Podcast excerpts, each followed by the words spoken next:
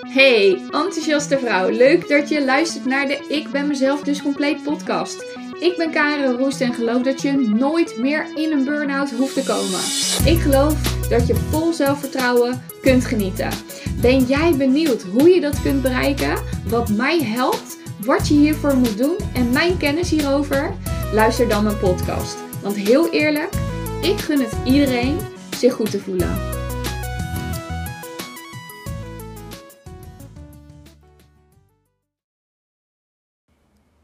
Yes, welkom bij weer een nieuwe podcast van Ik ben mezelf dus compleet. Ja, de afgelopen twee weken is het een klein beetje stil geweest op deze podcast. En dat komt omdat ik hem gewoon niet voelde. Elke keer als ik wilde beginnen aan een podcast, dan kwam het gewoon niet lekker uit mijn mond. en uh, merkte ik aan mezelf dat ik ja, een beetje minder moest doen. En ik moest ergens keuzes maken. En dat heb ik gedaan door uh, de podcast niet op te nemen. Want ik moet ook gewoon voor mezelf zorgen om in balans te blijven. En nu ik dit zo tegen je zeg, inderdaad, om in balans te blijven. Uh, wat ik hier zie liggen terwijl ik dat zeg, is uh, een borduurwerkje wat ik van iemand heb gekregen. Het is een boekenlegger. En op die boekenlegger uh, staan stenen die recht op elkaar gestapeld uh, staan. En er staan uh, twee gele bloemen bij. En die heb ik gekregen van een vrouw die ontzettend dankbaar is dat ze bij mij het traject heeft mogen volgen. Want toen ik met haar in gesprek ging, toen heb ik ja, heel eerlijk even goed doorgevraagd of zij wel de juiste persoon is die ik kon helpen. En zij had echt zoiets van: Ja, maar ik wil echt heel graag dat jij me helpt. En ik had zoiets van: Ja, maar ik wil wel zeker weten of ik je kan helpen. Dus dat was wel heel mooi dat zij eigenlijk uh, een soort mij, nou ja, niet smeekte, maar wel echt zei: Ja, maar ik wil het echt heel graag. En dat ik zei: Ja, maar ik, ik wil het echt zeker weten dat ik jou kan helpen. Dus dat was wel heel mooi. En toen we hadden besloten dat we met elkaar aan de slag gingen. Uh, ja, dat is dan nu een half jaar geleden. Want uh, vorige week hadden wij het laatste gesprek met elkaar. En um, toen had ze me dit gegeven en toen zei ik tegen haar van... Oh, ik ben je helemaal vergeten te bedanken voor je cadeautje. Want dat had ik via via gekregen. En toen zei ze ja, ik liep de winkel in en ik zag dit uh, liggen. Want uh, jij hebt ervoor gezorgd dat ik weer uh, ben gaan borduren. Dat ik daar weer de tijd en de ruimte voor heb. En dat ik daar ook weer plezier in kan hebben. En ik was eigenlijk voor een naald en draad daar. En ik stond bij die kleine borduurwerkjes te kijken. En ik zag deze afbeelding. En toen dacht ik, deze moet ik voor jou maken. Deze moet ik voor Karin maken. Want jij hebt mij geholpen om weer in balans te komen. Nou, ik kan je vertellen, toen ze dat tegen me zei, uh, we zaten in een online uh, coaching. Toen dacht ik, oh, ik wil er zo graag een knuffel geven. En um, nou, de tranen kwamen ook. Want het gaf mij zo ontzettend dankbaar gevoel dat ik dacht van, ja, dit is precies de reden uh, waarom ik dit wil doen en waarom ik dit wil blijven doen. Dus dat was echt super cool. En ja, ja, nou ja, ik ben even afgeleid doordat ik dit zag, uh, dit zag liggen. En wat zij uh, deed was eigenlijk precies wat ik zei. Dus elke keer heb ik haar geholpen bij de volgende stappen. En als ik zei, je moet nu dit doen, je moet nu dat doen, dan deed ze dat ook. En zij heeft zulke grote stappen gezet. Zij is echt gegaan van op de bank zitten en niet in actie komen tot, uh, nou ja, alles weer eigenlijk gewoon aanpakken en doen. En wat zij ook heel erg goed uh, deed was, of waar ze goed in was, was om echt voor alles en iedereen klaar te staan. Een collega kon er bellen en dan stapte ze letterlijk op de fiets om naar de werk te fietsen en haar te gaan helpen. Naar uh, dat ze nu gewoon zegt: je moet even onze baas bellen. Dus als je het hebt over grote transformaties en grote veranderingen, daar is zij echt een enorm groot voorbeeld van. Maar goed, wat voor podcast ging ik nou eigenlijk opnemen? Want ik ben helemaal afgeleid doordat ik dat zag liggen, doordat ik het woord balans zei. En ik had in één keer een idee. Um, ik ben net uit mijn werk gekomen van de OK. En uh, ik mag nog uh, twee dagen hierna op de OK werken. Het is vandaag 15 september. En toen dacht ik van, ja, weet je, ik ga gewoon vijf podcasts opnemen met wat jij moet weten om nooit meer in een burn-out te komen. Want als je die dingen weet en als je dat snapt en weet hoe het zit, dan, dan weet je ook waar je mee aan de slag moet voor jezelf. En ik dacht, dat ga ik gewoon in uh, vijf podcasts delen, de komende vijf podcasts. Hoe cool is dat? Dus ik ga je even meenemen met het eerste onderwerp. En dat is eigenlijk, dat gaat over hoe je patronen bestaan, uh, ontstaan. Hoe je patronen ontstaan. En um, om te begrijpen hoe je patronen ontstaan, dan moet je eigenlijk even long way back. Dus terug naar, uh, ja, eigenlijk toen we op deze mooie planeet kwamen. We nog geen idee hadden wat ons te wachten staat in ons leven. En we nog een totaal onbeschreven blad waren. Uh, als je onszelf zou vergelijken met een stuk papier, een A4, een wit A4. En daar stond gewoon nog helemaal niks op. Want we wisten nog niks, we geloofden nog niks, we hadden nog geen idee wat er allemaal op ons pad zou komen in het leven. En uh, ja, dan lig je daar als babytje in de wieg.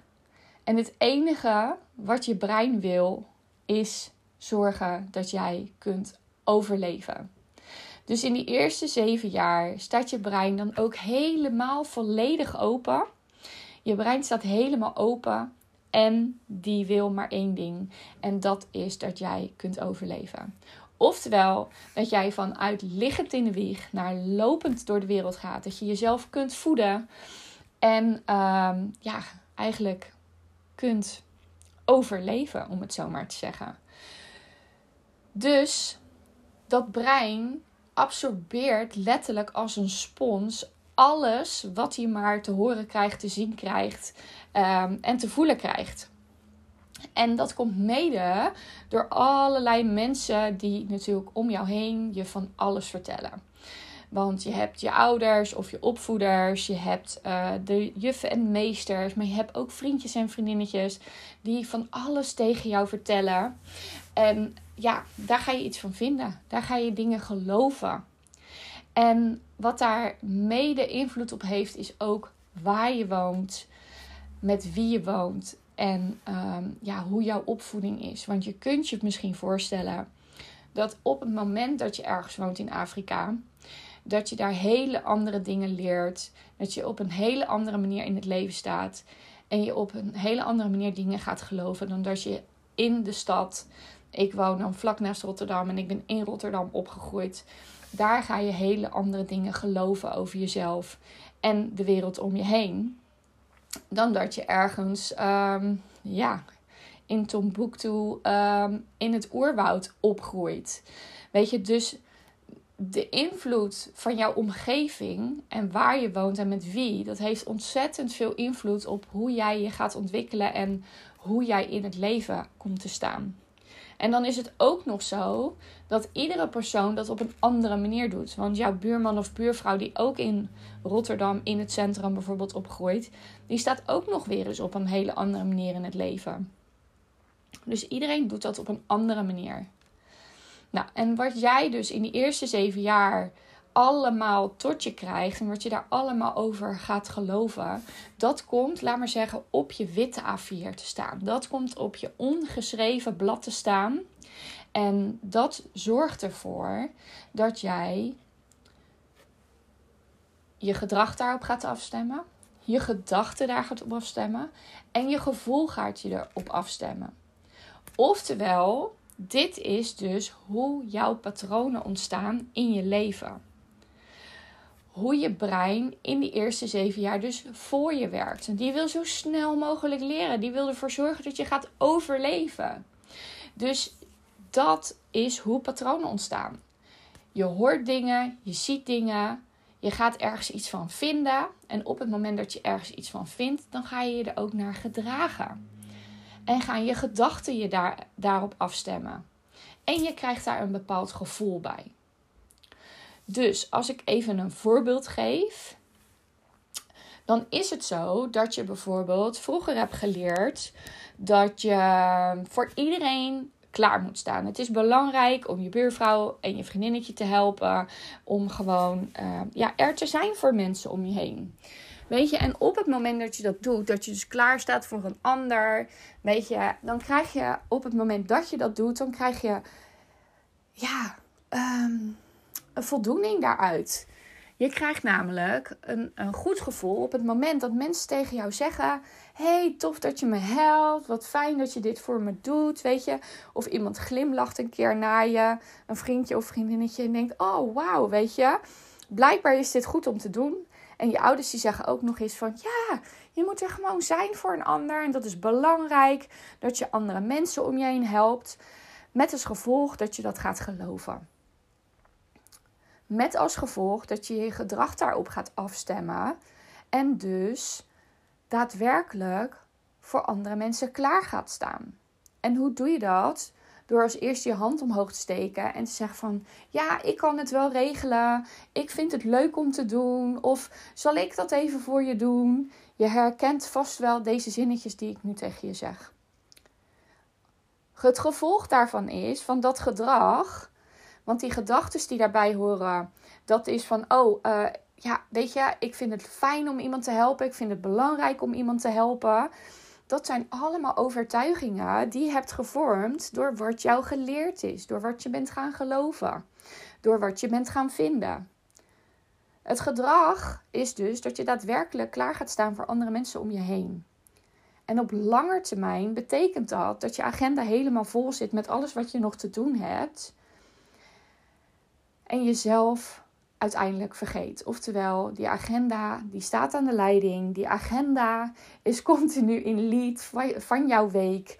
En jij bent alleen maar bezig om te zorgen dat je alles afkrijgt en dat jij voor andere mensen klaar staat. Want dat geeft zo'n lekker gevoel. Op het moment dat iemand zegt: Dankjewel dat je dit voor mij gedaan hebt. Dat is dus hoe een patroon ontstaat. Weet je, kunnen we daar iets aan doen? Nee, daar kunnen we helemaal niks aan doen. En waarom kunnen we daar niks aan doen?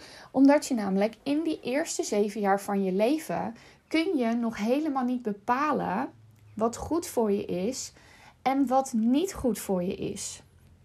Dus dat betekent ja, dat je eigenlijk overgeleverd bent. Dat klinkt echt, een beetje, dat klinkt echt heel negatief. Dat je overgeleverd bent aan je omgeving. En dat jij dus als ouder zijnde een ontzettend belangrijke rol hebt in het leven van je kind. Ik kan me nog als de dag van gisteren herinneren dat ik eh, op het schoolplein stond en mijn dochter kwam uit school. En ze had een Engels toets gehad. En ik zei tegen haar van, oké, hoe is het gegaan? Ja, mam, het was echt goed gegaan. Ik heb een 9. Ik zeg, wat ontzettend tof. Gefeliciteerd. Wat heb je dat goed gedaan?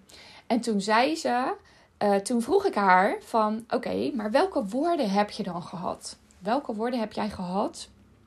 En uh, toen zei ze tegen mij, helemaal niks. En ik zag haar denken en nog harder denken. En toen dacht ze: Hè? Ik weet de woorden niet meer. En ze barstte in tranen uit. En ik dacht: Wat gebeurt hier? Dus ik zei tegen haar: Ik zeg, Babette, ik zeg, wat is er aan de hand? Ja, de juffrouw heeft tegen me gezegd dat ik na de toets ook mijn woorden nog moet kennen.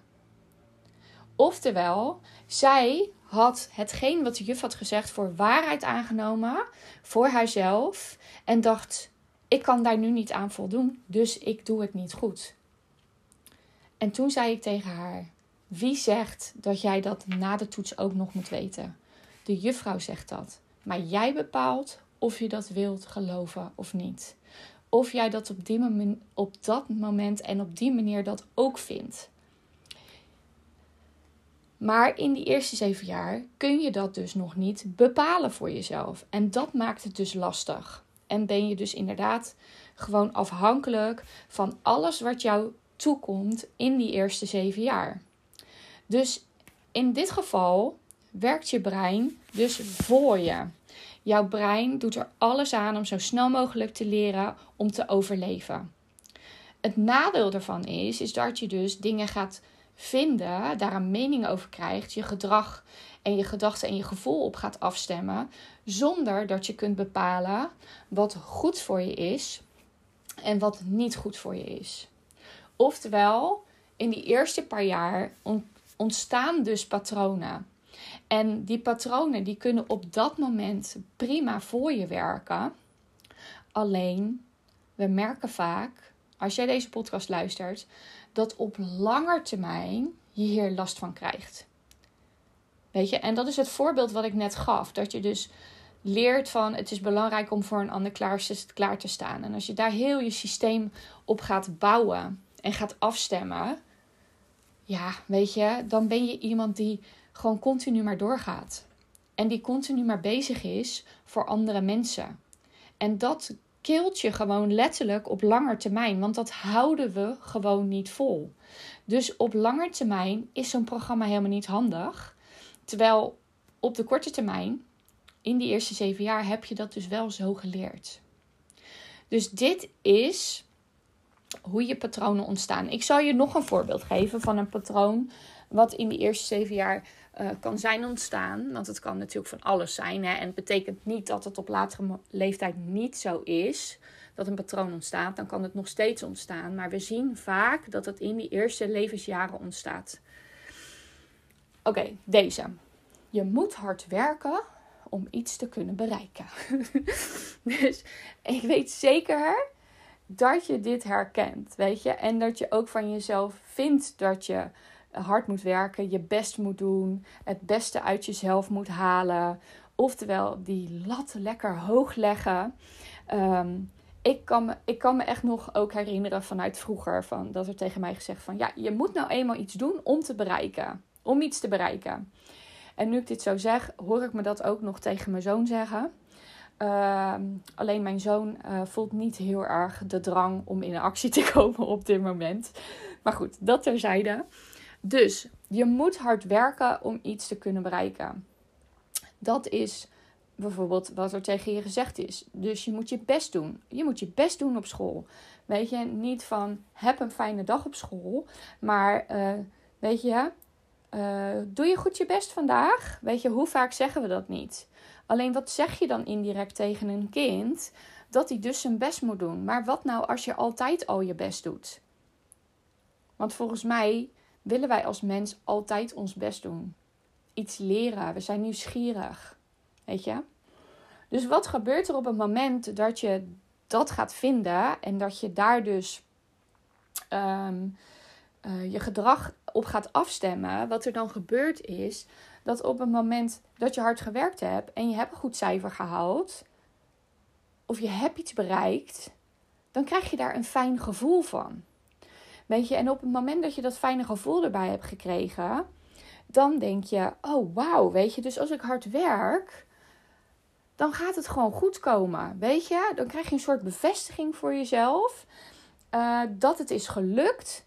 Dus um, denk bijvoorbeeld aan je examen of denk aan uh, bijvoorbeeld dat je op een sport zit en dat, het, dat je de sterspeler van het team wordt doordat je zo je best doet. Weet je, maar daar moet je wel hard voor werken om dat te kunnen bereiken. Om in dat eerste team te komen, om, om in die selectie te komen.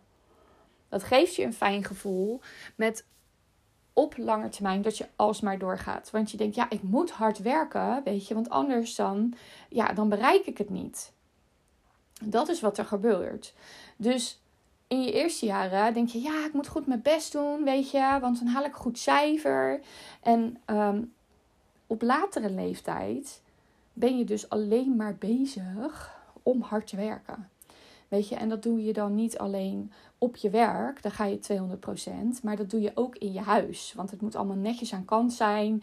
En weet je wat, als er uh, iets op de aanrecht staat, weet je, de vaatwasser die moet natuurlijk wel gewoon uh, netjes uitgeruimd zijn iedere ochtend. Allemaal dat soort dingen. Dat is hoe je patroon dus ontstaat. Ik hoop dat het een beetje duidelijk is geworden. En mocht je er een vraag over hebben, stuur hem uh, vooral naar mij toe. Dus dit is eigenlijk het eerste wat ik je wil uitleggen over wat jij moet weten om nooit meer in een burn-out te komen. Dat is dus hoe je patronen ontstaan. Dus in die eerste zeven jaar ga je dus alles absorberen uit de wereld. Je gaat ergens iets van vinden. Je gaat je gedrag erop afstemmen. Je gaat je gevoel erop afstemmen. En je kunt nog niet bepalen wat goed voor je is en niet goed voor je is.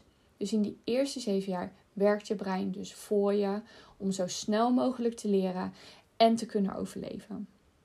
Nou, dit is de eerste podcast van de vijf die ik met je ga delen. Dus uh, ja, hou mijn podcast in de gaten. Ik verwacht dat er om de dag eentje online komt te staan. Maar uh, dit is de allereerste waarvan ik denk dat jij dit moet weten om nooit meer in een burn-out te komen. Hele fijne dag voor vandaag en tot de volgende. Yes, dat was alweer deze podcast en ben super benieuwd wat dit voor jou heeft gedaan en wat voor inzichten je hebt gekregen. Ik zou het heel gaaf vinden als je dit met me deelt. Of misschien heb je een vraag of wil je wel met jezelf aan de slag om te bereiken dat je nooit meer in die burn-out komt. Stuur me dan een berichtje via Instagram of ga naar mijn website www.tacklejepatroon.nl. En uh, deze podcast luisteren is natuurlijk al fantastisch. Alleen als je echt, echt, echt wilt dat jij en je leven verandert, dan moet je in actie komen. Dus bij deze wil ik je motiveren om ook in die actie te gaan en aan de slag te gaan. En mocht je hier hulp bij kunnen gebruiken, hoe je dat kunt doen, vraag dan een vrijblijvend gesprek aan via de website of via Instagram. En dan kijk ik gewoon even met je mee. Heel veel liefs en voor nu een hele fijne dag.